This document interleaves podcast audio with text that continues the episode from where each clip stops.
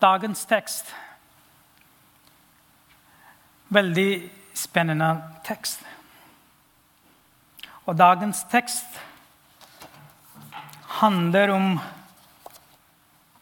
transfigurasjon av Jesus. Når jeg jobbet som prest i Lutherkirka i Pakistan, hadde vi spennende ting på den dagen.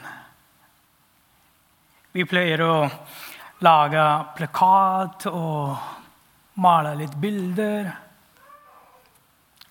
Det var en spennende dag. Og, og dagens tekst handler om transfigurasjon av Jesus. Hva er transfigurasjon? For mange av oss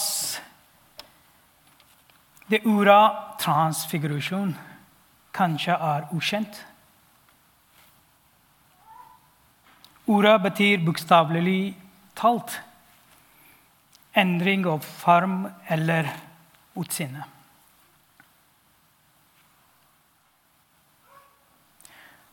Transfigurasjon av Jesus har utfordret mange teologer når de skal beskrive denne hendelsen. Og vi ser at og med Lukas han sliter å beskrive den opplevelsen på fjellet. Lukas og de andre disiplene til nå bare sett på Jesus som et menneske som ligner på dem, spiste med dem, gikk med dem. Men nå han er helt annerledes enn dem.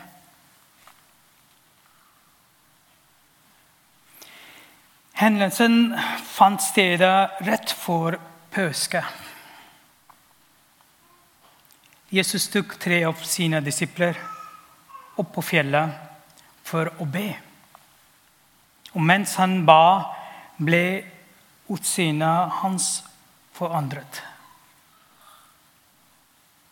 Og så er plutselig to av profetene fra Gamle testament der sammen med ham.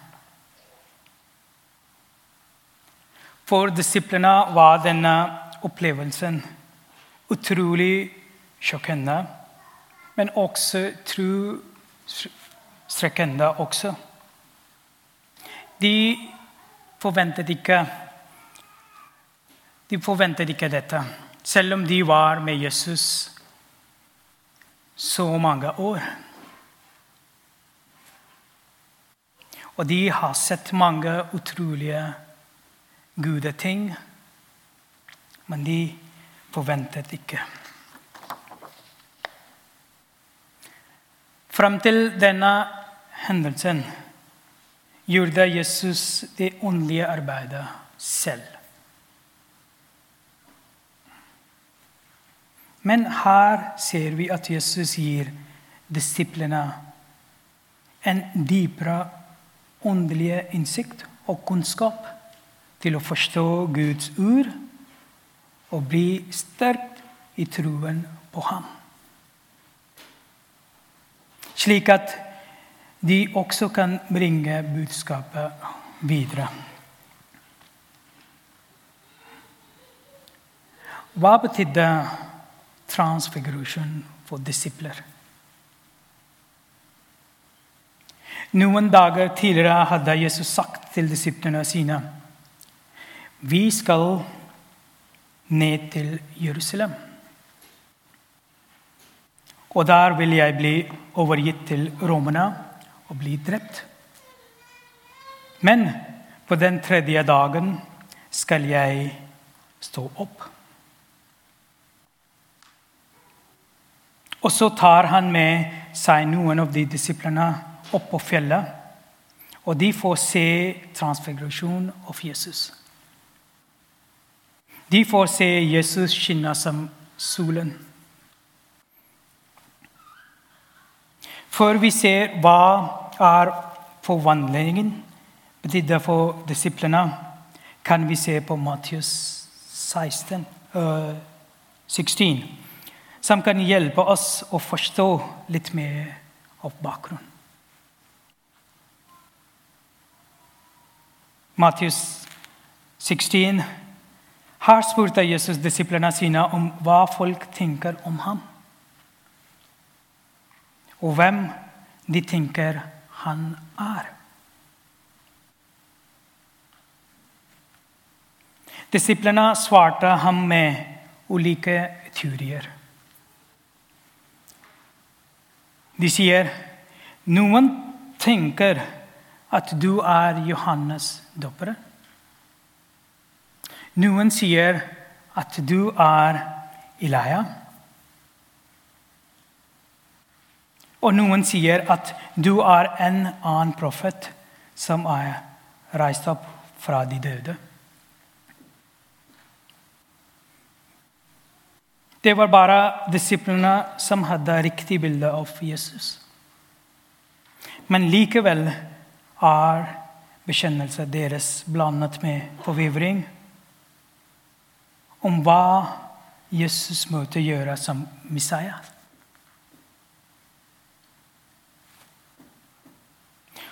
Og ved forvandling for en disiplene åpenbarte Jesus sin herlighet og guddommelighet for dem.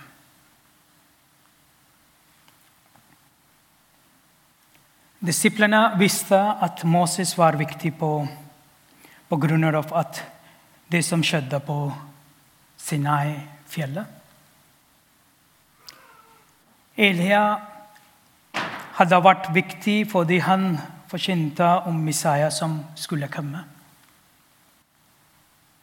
Og nå opplevde disiplene selv Jesu herlighet. Og de så Moses og Elias snakket med ham. Jeg tror dette synet var veldig, veldig viktig og sterkt for disiplene. Gjennom hele livet hadde de lært at profetene var veldig viktige i deres religion.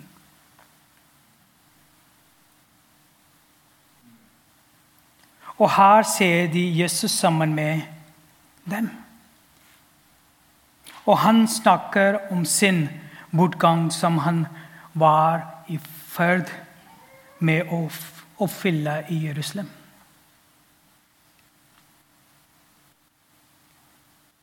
Kanskje de var viktige for disiplene å høre samtaler mellom Jesus og profetene. Å se og skjønne hans autoritet og ære.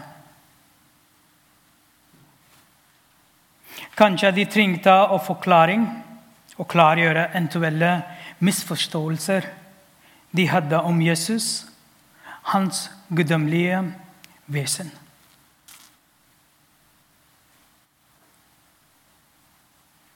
Hendelsen var til hjelp for disiplene og oss. Jesus hadde allerede talt om Guds rike, sin død og oppstandelse. Men de trengte kanskje mer forklaring.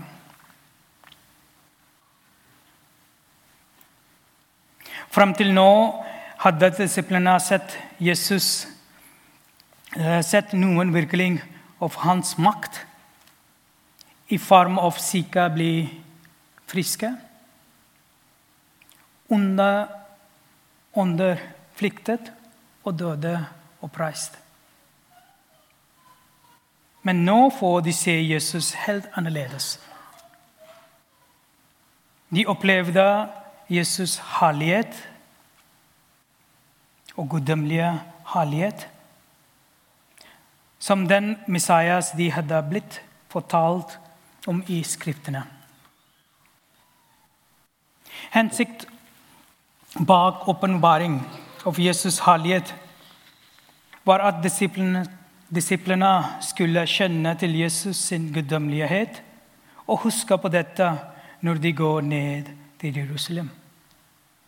og ser Jesus bli ydmyket, ledde og døde, og minne seg selv på at Husk, vi har sett Jesus' herlighet på fjellet. Det er den han virkelig er. Og denne ydmykelsen og ledelsen, lidelsen tar han ikke for seg selv, men for oss. Peter fikk oppleve Jesus' herlighet og fikk se Moses og Elia. Og hva var hans reaksjon?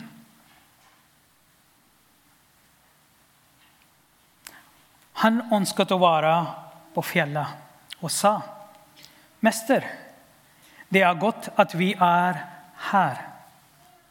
La oss bygge tre hytter.'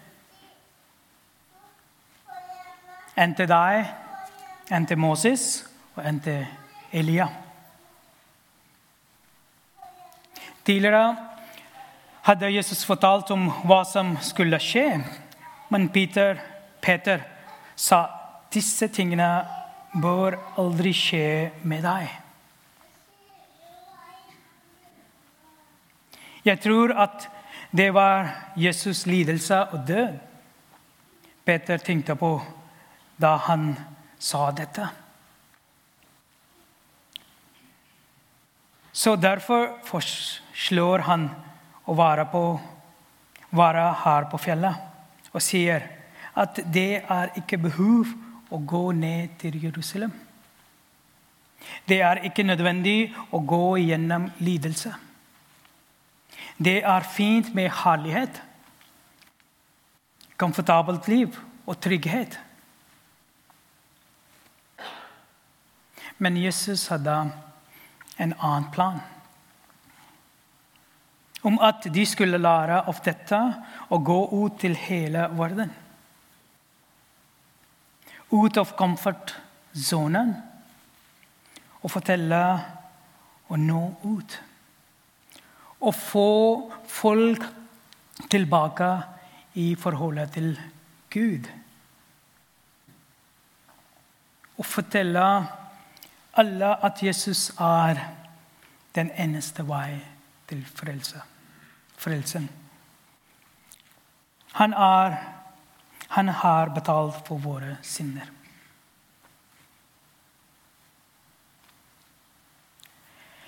Disiplene forstår det fortsatt ikke.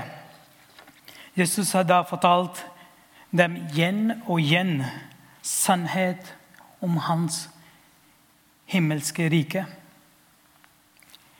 De hørte hva som ble sagt, men hørte nok ikke ordentlig etter. De var fokusert på en jordisk hersker. Evangeliet snakker høyt om at disiplene til og med krangler seg imellom om hvem som ville være den største i dette riket.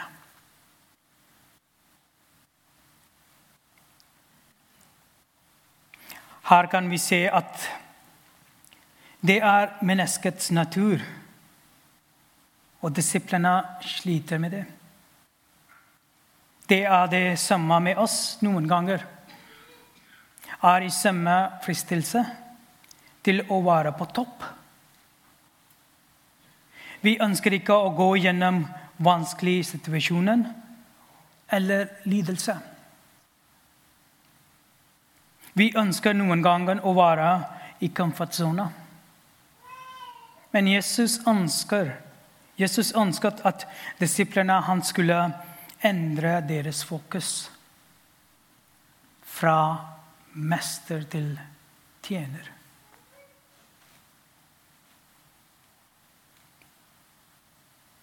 Men i vår menneskelige natur ønsker vi å være mester. Ikke tjener. Vi vil at andre skal tjene oss. Men Jesus vil at vi skal være tjenere.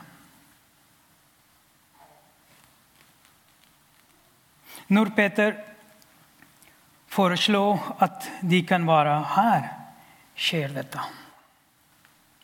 Mens han fortalte, kom det en sky og skygget over dem.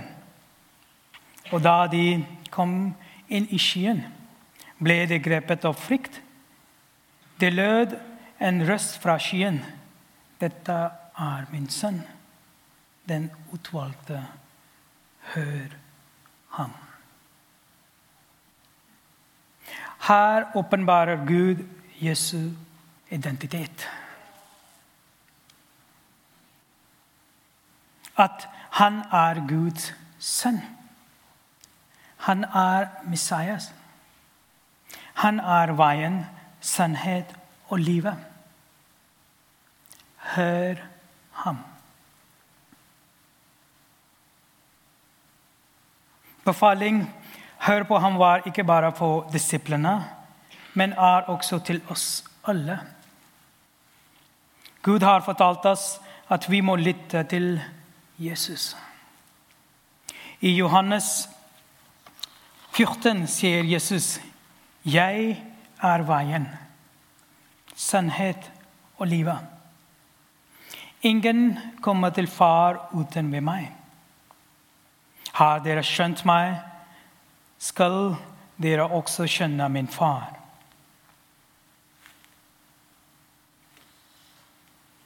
Men vi gjør ofte det samme som disiplene gjorde er opptatt av det jødiske riket. Mange er så opptatt med sine egne verden at man ikke hører ham. Det står i Johannes 8. Igjen Jesus talte, igjen talte Jesus til folket og sa, 'Jeg er verdens lys.' Den som følger meg, skal ikke vandre i mørket, men ha livets lys. Guds ord er lampe i mørket. Når vi er i et mørkt rom, og vi har en lommelykt, følger vi nøye med på alt i rommet, slik at vi ikke snobler og faller.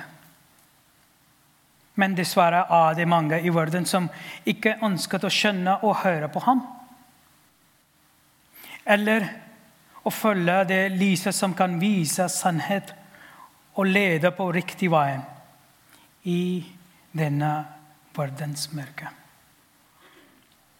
De tror at deres egne evner vil frelse dem, og de kan finne riktig veien på egen hånd.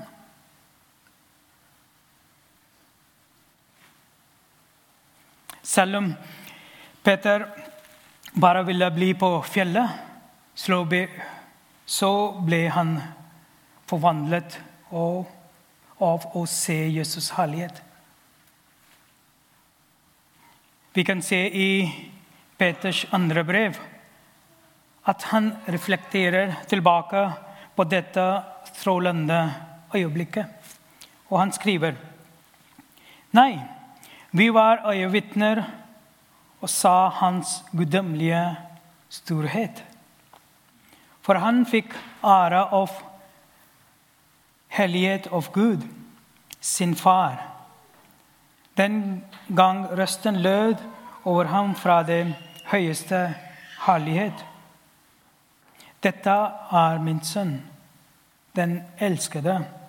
I ham har jeg min glede. Vi hørte selv denne røsten fra himmelen da vi var sammen med ham på det hellige fjellet. Peter erklærer at de var øyevitner til Jesus' majestet. Og Peter blir forvandlet fra å være engstelig og villig bli værende på fjellet, i komfortsone, til nå ut til alle med de gode nyhetene.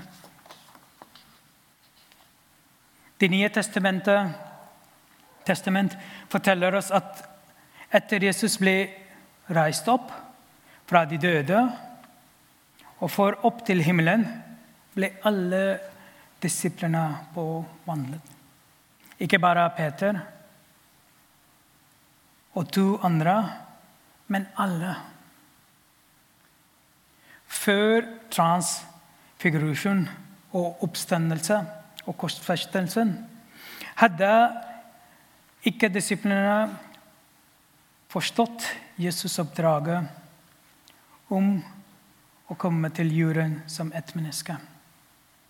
Men etter hans oppstandelse ble deres tvil forandret til lidenskap og entusiasme for å bringe budskap til alle overalt og fortelle at Jesus er verdens lys. Frelsen, han er den eneste veien. Apostelens gjerninger forteller om disiplens arbeid. Strid og kjærlighet for Gud og for andre. Om lidenskap og entusiasme for å spre evangeliet. Og de nølte ikke engang med å gå gjennom fengsel, pisking, sult, til og med død. Og alt dette skjedde fordi de hørte og forsto Jesus, Jesu oppdrag og fulgte hans eksempel. Vi alle har sett Jesus' herlighet gjennom Bibelen. Korset, hans død og oppstandelse. Det skal lede oss og formandle oss også. Og Peter skriver i, i Filippene, kapittel 2, vers 5. La samme sinnelag være i dere som var i Kristus Jesus. Gud ønsker at vi skal høre på ham. At vi skal forvandle til Kristi karakter. Handlinger, hjerte, handlinger i våre liv.